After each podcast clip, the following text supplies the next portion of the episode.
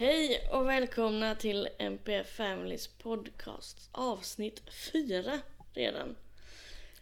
Dagens avsnitt kommer handla om relationer.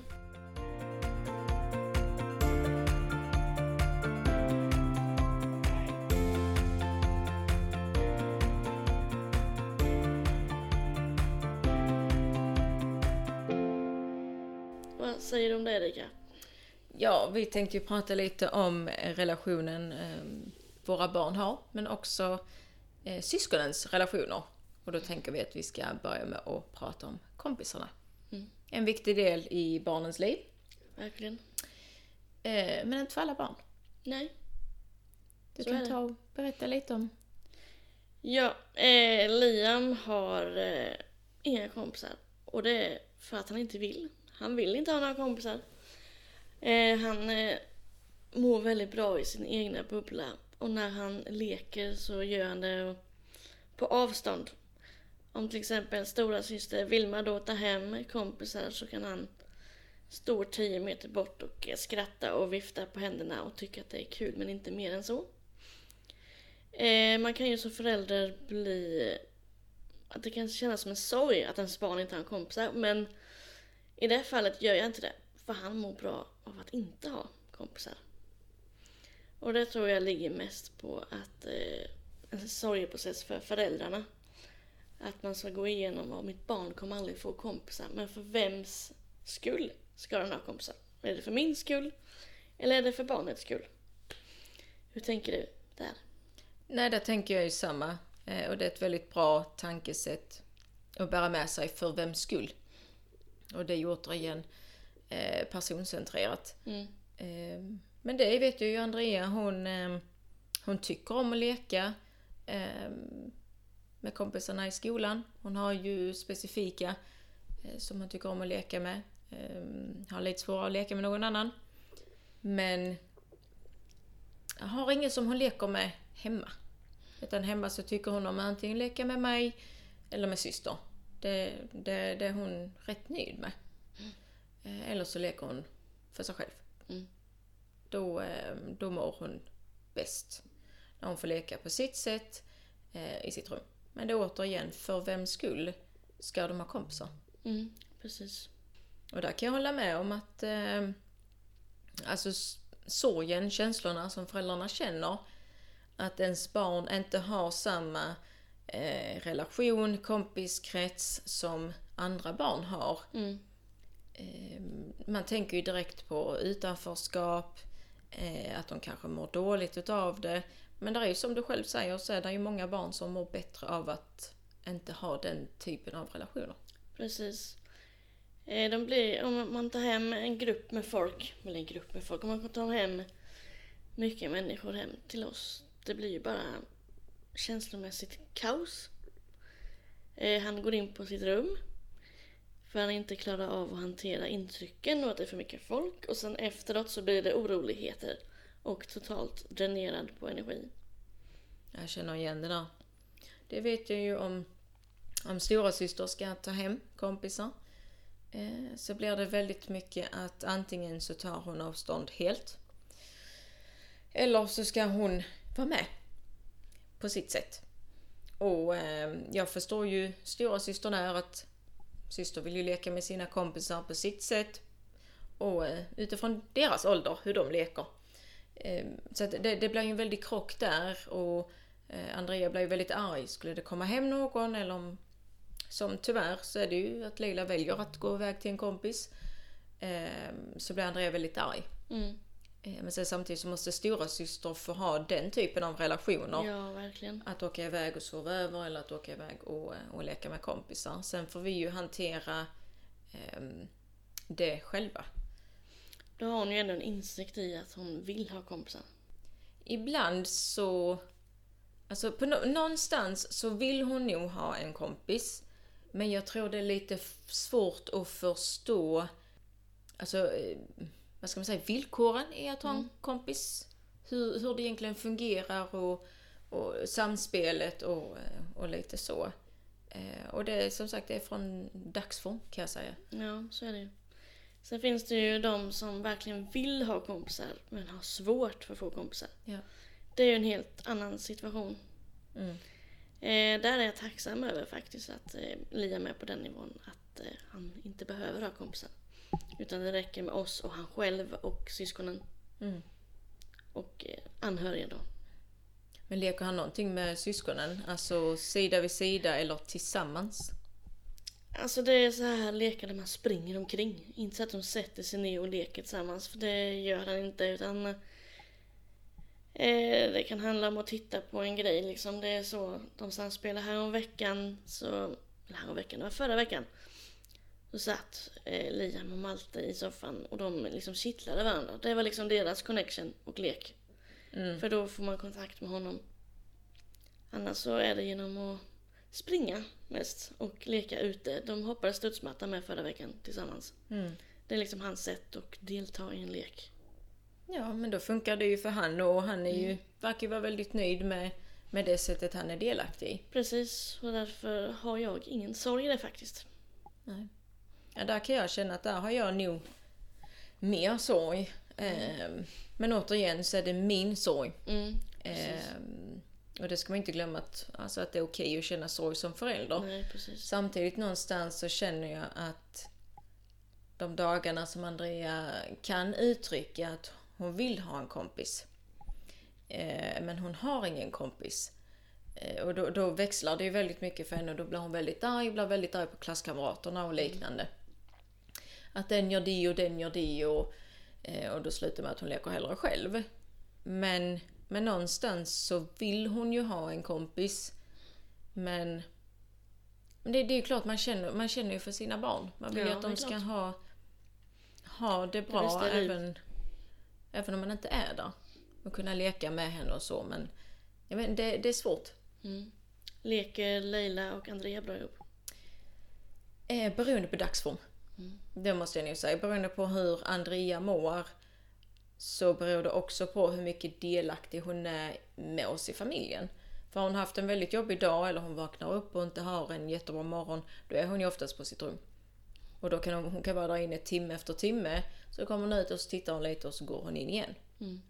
Eh, Så ser väldigt mycket av dagarna ut, speciellt när hon går i skolan. Då, eh, då är hon inne på rummet och så kommer hon ut och ibland till och med så äter hon inne på sitt rum för att det har varit för mycket för henne att eh, hantera känslomässigt. Så det är mycket på dagsform. Mm. Vad leker de tillsammans för någonting? Det är springa. Mm, det är springa här med. Kan leka med, antingen om de leker med, med käpphäst. Det, det har varit väldigt eh, så på sista tiden, så båda har en käpphäst som de springer och leker med. Eh, eller om hon har en barnvagn. Eh, och så leker de då eh, mamma, pappa, barn. Men då, då är det ju fortfarande här att de ska någonstans i leken. Mm. De ska till bussen eller de, inte ska stilla. till... Nej precis, utan det är väldigt mycket de ska någonstans hela tiden i leken. Och avviker då stora syster ifrån att de ska någonstans i leken så slutar det alltid med att hon går upp i affekt och så blir det ingen lek alls. Så att någonstans i leken ska de hela tiden. Men eh, och ibland kan de... Ibland leker de väl så här eh, skola, att de sitter ner. Men det slutar alltid med att de ska någonstans.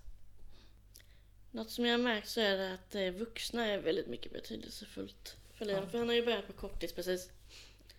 Och han tyr sig ju till alla vuxna som är intresserade av honom.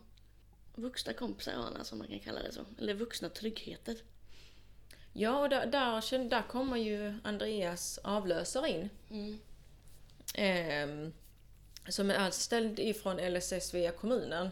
Som kommer hit då 10 timmar i månaden. Där märker jag ju att hon har ju en jättestor betydelse för Andrea. Och deras sätt att interagera. Eh, hennes avlösare arbetar mycket med eh, vårdhund.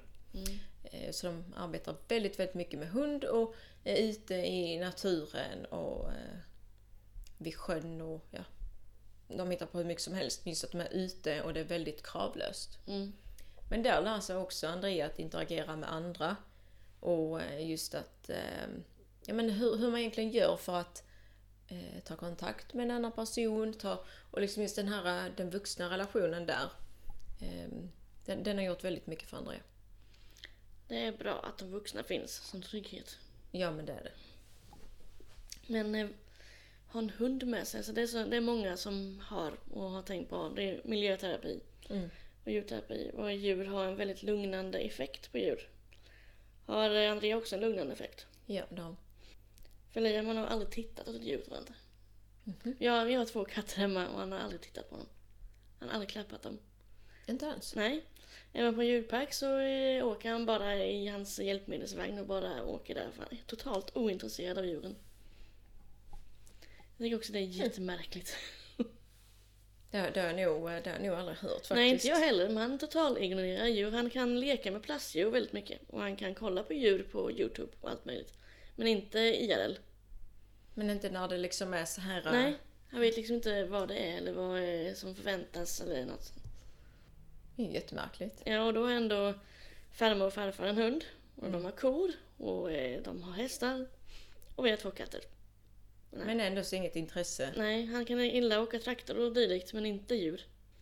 Han kan Ja. vara i läkaren, men han går ju inte... Han bara står där typ. Mm. Nej, för det, det märker jag på Andrea att hon har ju väldigt stort intresse för djur. Om det är på, eh, på TV, på platta, eller om det är en bok, eller om det är en leksak. Ehm, eller som då i, i verkligheten. Ehm, arbetar mycket med hästar med. Hon tycker det är jätteroligt att, ehm, vara i närheten utav den. Sen tar det tid innan hon gör liksom steg och faktiskt går fram till själva djuret. Om det nu är en häst, hund eller Ja, men ni är ju mycket i stallet. Är hon med hästarna då? Hon har faktiskt eh, hon har klappa, klappat hästen och hon har eh, gett eh, godis en gång. Så det, det går ju framåt men man måste träna sakta. Mm. Så det, det gör framsteg, det gör det. Eh, sen är det ju, det, det får ju gå i hennes takt. Mm. Allting är hennes takt. Och sen vissa dagar så, så går hon inte in i stallet överhuvudtaget. Då vill hon vara utanför och det är helt okej. Mm. Men, eh, nej, men det, det är roligt så. Och även om hon inte visar all sin uppskattning och sin glädje i stunden så kommer det ju alltid efteråt. Och då berättar hon hur mycket hon tyckte det var, var mysigt med hästarna. Hon klappade hästen eller hon gav den morot eller ja, vad det var nu hon gjorde. Så det märks på henne att hon, eh, hon älskar ju det. Och hon tjatar ju jättemycket. Kan vi inte åka till hästarna? Hon hade nog kunnat vara där varje dag. Mm. Och ur behandlingssynpunkt så är det jättebra att arbeta med hästar. Verkligen. Det har jag sett på flera håll när jag gjorde ett eh, arbete på behandlingspedagogsprogrammet där. Och miljöterapi. Mm. Att de använder hästar som eh, hjälpmedel nästan. Mm. För att se hur människor mår. För människans mående på hästen speglar av sig på hästen. Väldigt intressant att arbeta på det sättet för det vet jag, i alla fall här i Skåne vet jag att det är rätt så många eh, gårdar som, eh, som är behandlingshem. Och så utgår de ifrån mycket med att arbeta med hästar, med djur och, och liknande. Vilken effekt det har på ungdomarna och tonåringarna eller de unga vuxna. Så det, det är väldigt positivt. Och jag tror att, att avlösaren jobbar med, med hunden i detta. Jag tror det kommer att göra så mycket på, på sikt. Mm, det tror jag. verkligen. Det håller jag med om.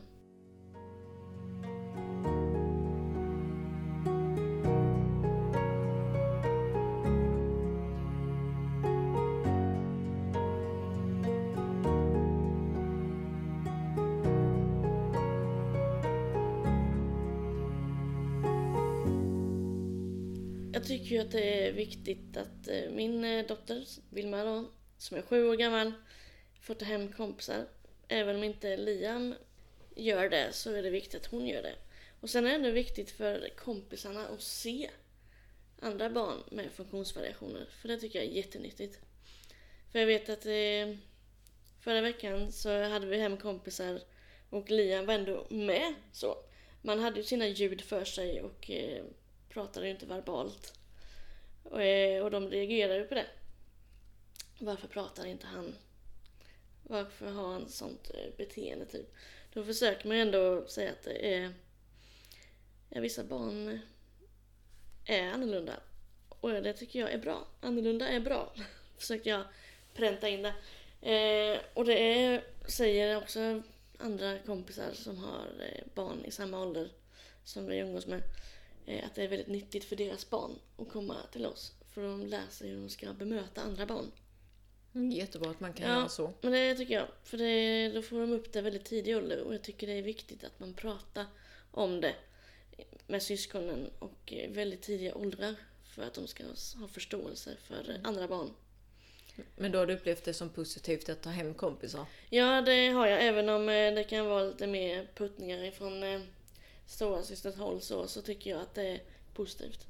Men kan du märka på Liam att, alltså en förändring i han när det kommer hem kompisar? Ja, han blir ju mer inne i sig själv. Mm.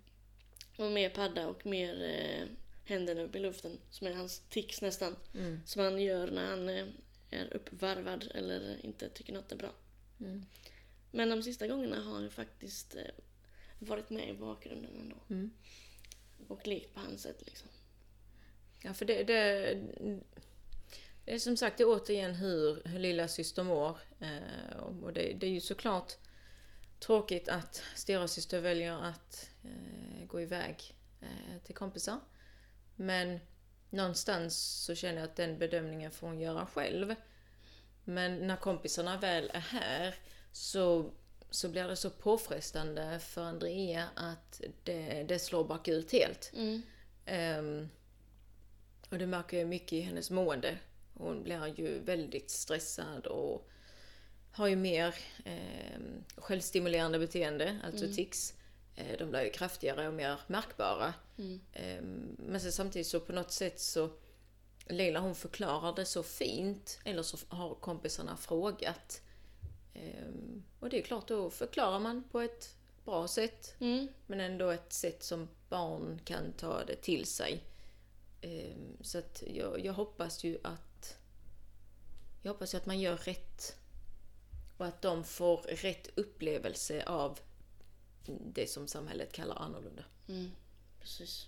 Men hur, hur kan ni åka iväg till andra? Eh, det, alltså det, det beror ju på väldigt mycket vem det är vi ska till. Eh, om Andrea känner personen. Ehm, och vet var de bor, eller är det djur, eller är det...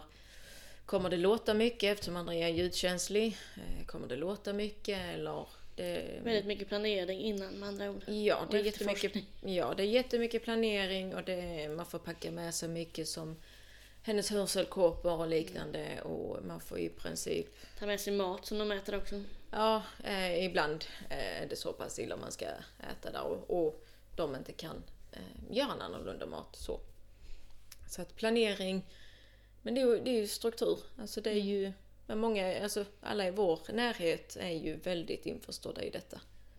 Det är väldigt skönt att Ja. höra. Men hur ser det ut för er när ni ska åka iväg?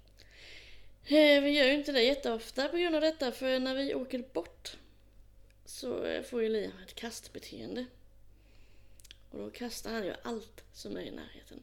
Om han skulle vara här inne nu skulle nog dina eh, blomkrukor där ligga på golvet och allt annat här. Och det gör han inte för att han är arg eller något, han gör det när han är glad och inte vet hur han ska bete sig. Ja. Eh, och han blir extremt sprallig. Han är inte stilla i två sekunder. Han ska sätta sig ner i en soffa i en sekund, sen går han upp igen. Och bara springer iväg och går dit och dit och överallt. Han blir väldigt spretig. Men eh, då tar vi fram hjälpmedelsvagnen. Vi frågade innan vi åker till någon om man får ta in den. Så han kan sitta där, för då blir han trygg direkt. Mm. Och gör det han vill. Lyssna på musik på paddan liksom. Ja, Andrea har lite, det är lite samma där fast hon hoppar. Hon hoppar och klappar händerna. Mm. Eh, Det gör hon ju när hon blir väldigt, väldigt glad. Så det, det är ju med någonting som hon eh, tar till. Antingen som ett, eh, ja, eh, ett tics eller att eh, hon bara är väldigt, väldigt glad. Och det är ju många som, många som reagerar varför hon står och hoppar som en liten studsboll. Eh, och kan, kan inte alls koppla sammanhanget överhuvudtaget. Men då kan det vara att eh, hon tycker om personen så pass mycket och att hon är så glad att vara där. Och man kan liksom inte riktigt mm, förklara det på något sätt eller så. Och då blir det att hon står och hoppar och klappar händerna istället. Ja, det gör Liam med. Han står upp och hoppar. Han klappar inte händerna, men han hoppar jämfota. Så fram och tillbaka och springer fram och tillbaka. Jag tycker det är charmigt. Och en annan grej som, eh, som händer när vi åker bort är näsblödning. Han får jämt näsblod i stressiga situationer som man inte vet hur han ska hantera. Om det har varit en förändring eller om vi åker bort eller en aktivitet, det slutar alltid i näsblod. Hur, vad, vad är det som Det är stressblödning. är stress? jämt är det så det är liksom inte lite heller utan det är liksom en fors. Ja. Som inte stoppar typ. Och sen hatar han ju det här med. Så det, då får han ju panik på grund av det. Då får man ha det i åtanke. Är det värt att åka bort om man ska Ja, såklart ja. ha hjälpmedelsvagn med sig in. Man ska ha en padda som är på hög volym. Spela samma intro 75 gånger. Eh, och eh, en näsblödning. Mhm. Folk får helst komma hem till oss. Ja. För det... För att alla ska må bra. Mm. Det blir mer, mindre stress för alla om han själv får vara hemma hos oss. Så måste man ju givetvis testa ibland. Det är det som är lite roligt för när han är på kortis så är han inte alls sån. Nej. Vi bara kom dit och han var sig själv där. Det är som att eh, stämningen känner han av så fort han kom in i, i en dörr. Genom Mm. en dörr. Bara här, här är det folk som jag kan slappna av hos. Mm. Och då är bara han sig själv. Så som vi lämnade han så direkt nästan skulle vi aldrig kunna göra hos någon annan. Nej. Förutom farmor, farfar mormor, mormor och morfar. Ja, det, det är märkligt hur deras eh, kropp reagerar på olika Mm, det är saker. verkligen känslorna på utsidan. Ja. ja, just det. Stressrelaterade saker är ju... Det påverkar ju både alltså, kroppen, själen. Mm. Det påverkar ju definitivt allt på en och samma gång. Men det vet jag, alltså, om vi, det är ju samma här. Alltså, det ser jag ju hellre att alltså, vänner och sånt kommer hit. Men det som du också säger, att man, man måste ju också träna på att Mm. åka iväg. Och när vi är hos min bror till exempel, eh, och de har ju hundar och två hundar, jättesnälla och andra älskar dem över allt annat. Eh, Men då är det att, ja men kommer de att skälla? Och hon vet om att den, den ena hunden den skäller lite extra, men det är för att hunden är glad. Eh, Men då brukar vi ha med oss hörselkåpor och så. Sen någonting som man upprepar innan vi ska dit är den här dammsugaren. För deras dammsugare, eh, det är en sån damm, eh, robot. Mm. Och när den töms så låter den rätt så mycket. Och då kan de fråga om den är avstängd och liksom vill försäkra sig. Men det är ju ljudet Mm. som blir, eh, blir jobbigt. Men annars så tycker hon det är jätteroligt att vara där. Och det märks ju tydligt var man är och hur trygg hon är. Mm. Verkligen. Det, det, märks, det märks väldigt fort. Ja, så fort det kommer in en människa innanför dörren så om Liam går fram till den personen då är det en person som är trygg i sig själv. Går han inte fram till den personen då är det en människa som är osäker i sig själv. Det är väldigt tydligt. Läser av energin. Ja, direkt. Alltså, Det räcker som huvudet kom innanför dörren så vet man hur det är. Ja, det gör Andrea men hon är jätteduktig på att läsa av energi. Inte ansikte och sånt, men eh, energin. Mm, energin är det verkligen. Och en, ja. Det behövs inga ord. Nej, det är bara kroppsspråk och känslor. Människan pratar mer med kroppen än vad vi tror. Mm. Och det har jag definitivt lärt mig eh, från Andrea. Mm, jag med. Att läsa av eh, människor. Det märker man ju på henne direkt. Mm. Det är väldigt intressant att se. Hur har eh, anhöriga tagit det första steget när eh, du berättade att hon hade en diagnos? Där är ju inte... Eller reaktionen var... Den, den har väl varit lite olika. Eh, som mormor och morfar så har det ju varit... Min alltså det är som mormor då, då ja, men hon har hela tiden anat någonting. Eh, bemött henne eh, utifrån den hon är. Eh, och hon är med undersköterska så att hon, hon har ju lite mer det här att arbeta med människor på ett annorlunda sätt. Mm. Morfar har ju, ja han erkänner ju att nej men jag, jag kan inte mycket och, och redan från början så, men han har ändå, han har sett, han har observerat och liksom eh, också det här att ja men jag bemöter henne där hon är. Ehm, så att där har väl inte varit någon så större reaktion utan det har nog mer varit eh, en lättnad att okej, det har varit något avvikande men vad är det det har varit? Ehm, och sen andra, så mina två väninnor där har ju inte... Det, det är precis man har, man har liksom rätt väninnor för att det har, inte, det har inte varit någon större reaktion utan det har bara varit att ja men okej hon har funktionsvariation men hon är fruktansvärt charmig på sitt sätt. Mm. Eh, och charmar allt och alla och eh, är väldigt omtyckt. Så där har inte... Jag kan inte säga att det har inte varit någon negativ reaktion. Ehm, det har det ju inte varit. Utan det är nu mer i den här ehm, i processen, i Andreas process, i hennes utvecklingsprocess, så blir de ju lika glada som jag som förälder. Mm. Eh, för att de, de vill lära känna henne, de vill följa med i hennes eh, utveckling. Och då blir de ju lika glada som mig själv. Och det, som, som mamma så blir jag ju jätteglad över det. Mm, verkligen. Men hur har det varit i er?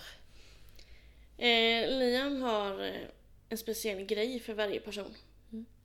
Vi facetimar väldigt mycket med mor- mormor och morfar i och med pandemin och att de bor lite längre bort. Så fort eh, Facetime kommer på, då ska vi sjunga Imse visse spindel.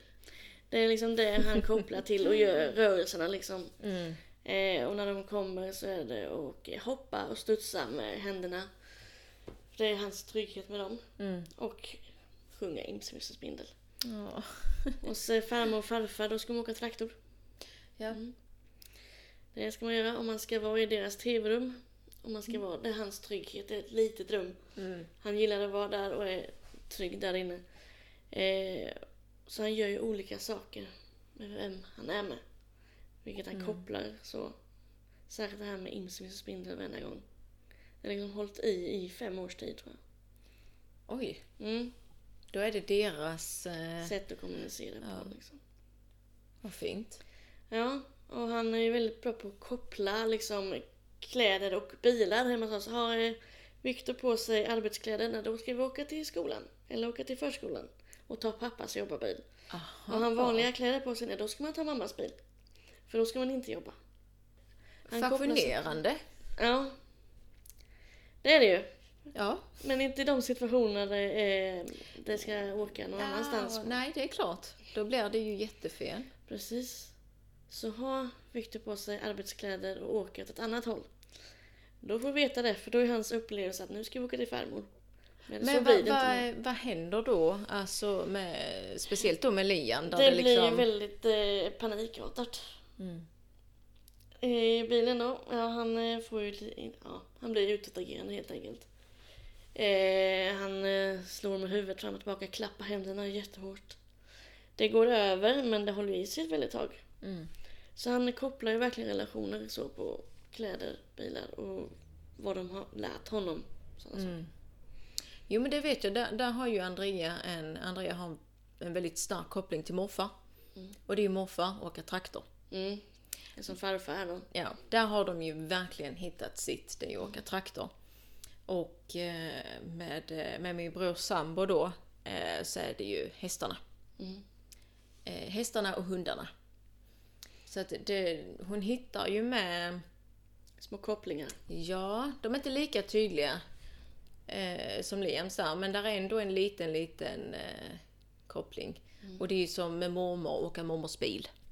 Det är väldigt, väldigt viktigt att åka mormors bil. Mm. Eh, och så.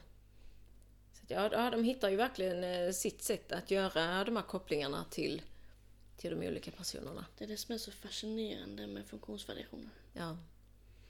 Det är intressant och det är spännande och man slutar aldrig att förvånas. Liksom. Men det är ju det är så otroligt lärorikt. Mm. Alltså det, det som, jag, som jag brukar säga är att Andrea är min vandrande verktygslåda. Ja men så är det ju verkligen. Ja. Det var bra sagt. ja. Det ska jag säga. Jo men hon... Jag lär mig så mycket om så många områden. Varenda, varenda dag. Alltså, när jag, sen jag fick henne så... Jag har blivit mer... Eh, vad ska man säga? Leva i nuet. Mm. Leva dag för dag. Vara tacksam för det man har. Andrea hon är ju tacksam. Jag menar, skulle hon få en glass i affären, det, det är ju höjdpunkten på hela dagen. Alltså, var tacksam för det man har. Mm. Men hon, nej, hon har lärt mig alltså inom kommunikation. Mm. Jag har utvecklats inom kommunikation. Ja, jag med. Det är, jag trodde ju bara att kommunikation var ett verbalt tal. Ja. Men det är ju det sista egentligen. Precis. Det är, nej, jag, har, jag har lärt mig så mycket sen hon, eh, sen hon föddes. Och det, jag, jag tror inte jag kommer sluta och, och lära mig. Jag tror den verktygslådan den kommer nog bara bli större och större och större för varje år som går. Precis. Med andra ord, man blir aldrig självlärd. Eller självlärd, man blir aldrig Färdiglärd. färdiglärd. Nej. Nej, för det är ju, menar, ju, ju äldre de blir, desto mer förändras ju beteendet och själva alltså eh, diagnosen. Mm. Det, det, är liksom, det hänger ju med i, i utvecklingen. Och visst, man kan, som i de här samtalsgrupperna, man kan ju sitta och, och diskutera om man har någon som har alltså ett barn som är lite äldre. Så man kan ju sitta och diskutera, man kan sitta och lyssna och ta det till sig. Men det blir ändå inte det här, eh, jag kan aldrig veta hur det kommer bli fem år framåt. Nej, precis. För det är ju så, alltså det är ju verkligen från individ till individ. Många frågar mig om framtiden, jag har inte ens tänkt på den. Nej. Just nu fungerar det, låt det vara så. Precis. Sen kan vi plocka fram. Den tiden när det väl är dags. Jo men det, det blir, man får ju... Man, man måste ha ett annat tankesätt när det gäller de här barnen. Det går inte att tänka på, på framtid och alltså det här med gymnasie och flytta hemifrån och skaffa arbete. Alltså det är ju inte riktigt... Det är ju inte i, eh, vad ska man säga, den vägen Nej, eh, för de barnen. nej. Eh, utan som man då har till exempel som för stora syster och liksom. Det är en helt annan väg och den vägen är så utsuddad nu. Det, det är precis som att den vägen, Formas hela tiden. precis. Det gör den. Och det är det som är så spännande. Ska vi sätta punkt där? Jag tror det. För annars hade vi kunnat sitta och diskutera hur länge som helst. Ja, i vanlig ordning. Ja. Ja, men det här var i alla fall avsnitt fyra. Nästa avsnitt blir om hjälpmedel. Fortsätt lyssna helt enkelt. Ni får ha det så bra. Det kommer att bli spännande och lärorikt. Verkligen. Tack så mycket. Tack och hej.